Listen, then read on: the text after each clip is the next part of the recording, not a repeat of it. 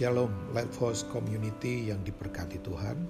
Daniel pasal 55 ayat 2 bagian B dan ayat 3 bagian A berkata, Dengarkanlah aku, maka kamu akan memakan yang baik dan kamu akan menikmati sajian yang paling lesat. Sendengkalah telingamu dan datanglah kepadaku, dengarkanlah, maka kamu akan hidup. Nah, kata dengarkanlah itu diulang sampai dua kali dan kemudian ada kata sendeng kalah telingamu. Karena memang penting sekali untuk hari-hari ini kita banyak mendengar uh, firman Tuhan tentunya ya. Nah, kenapa penting sekali? Sebab sekarang ini yang pertama, banyak orang sekarang maunya hanya Tuhan yang dengerin kebutuhan mereka, keinginan mereka. Walaupun kita tahu pasti Tuhan menjawab doa-doa kita yang sesuai kehendaknya. Tapi sering kali orang lupa bahwa kita harus tempatkan Tuhan itu sebagai penguasa tunggal dan pemilik kehidupan yang berdaulat atas hidup kita. Makanya kita mesti lebih banyak mendengar apa yang menjadi kerinduannya dia. Ya, sayangnya uh, sekarang ini kan orang suka berpikir bahwa ya Tuhan uh, mau mendengarkan apa yang menjadi keinginan dan kebutuhan saya terus. Kalau kita melihat di Yohanes pasal 6, setelah Yesus selesai memberi makan roti buat laki-laki saja itu 5.000 orang, ya belum perempuan dan anak-anak.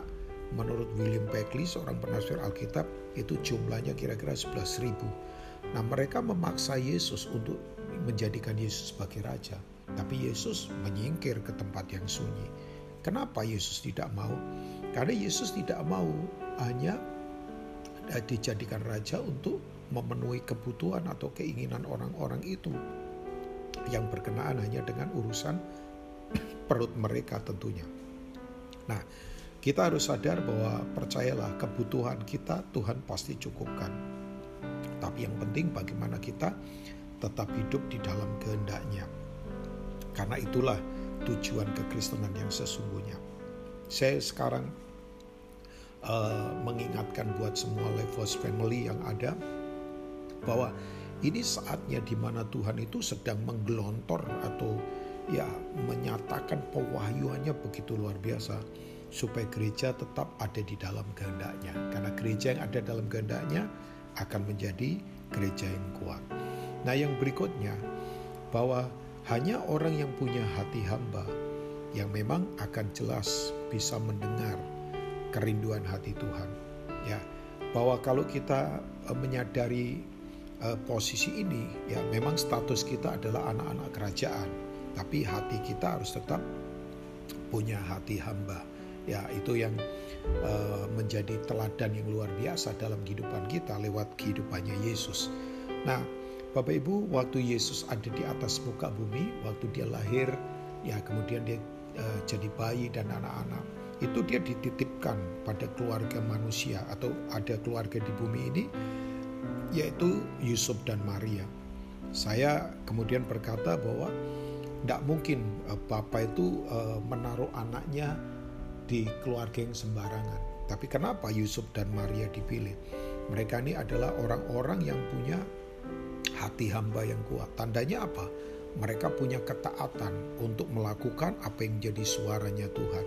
Makanya waktu Roh Kudus berbicara untuk uh, mereka pergi ke mana? Ya lewat para malaikat tentunya diingatkan.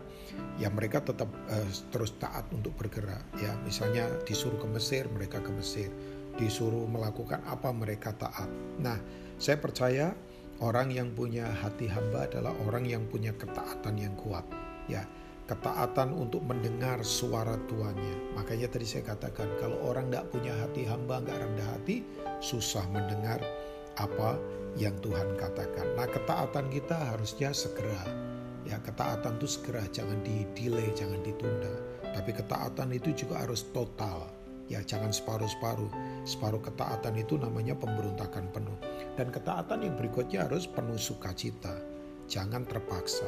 Nah, mari saya ajak Bapak Ibu semua yang ada di Life House Family, ya biasakanlah kita selalu mendengar hati Tuhan lewat perenungan firman-Nya di mana firman terus berbicara terus menerus 24 jam dalam hidup kita. Nah, saya percaya Tuhan berkata bahwa Roh Kudus itu uh, salah satu hal yang akan dia lakukan adalah mengingatkan semua apa yang Yesus sudah katakan. Nah, bagaimana uh, supaya kita terus bisa diingatkan? Yaitu ketika firmannya kita renungkan terus. Makanya kalau firman kita terus renungkan, kita dengar terus, ya waktu Roh Kudus mengingatkan, kita akan tetap ikuti jalan-jalan Tuhan. Saya percaya terus akan ada small voice yang ada di dalam kita yang akan terus menuntun kita, menasihat kita, menghibur kita supaya hidup-hidup kita itu tetap kuat di masa-masa seperti ini. Tuhan Yesus memberkati Bapak Ibu semua.